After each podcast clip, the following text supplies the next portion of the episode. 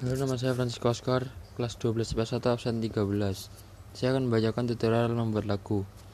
Yang pertama, tentuin dulu genre musik yang akan dibuat, apakah itu pop, apakah itu dangdut, atau apakah itu keroncong. Lalu yang kedua, buat lirik beserta nadanya. Tentuin dulu nadanya terlebih dahulu lalu liriknya, sehingga kita dapat mengepaskan dengan nadanya nanti. Lalu buatlah seperti itu sampai lagu itu jadi. Terima kasih.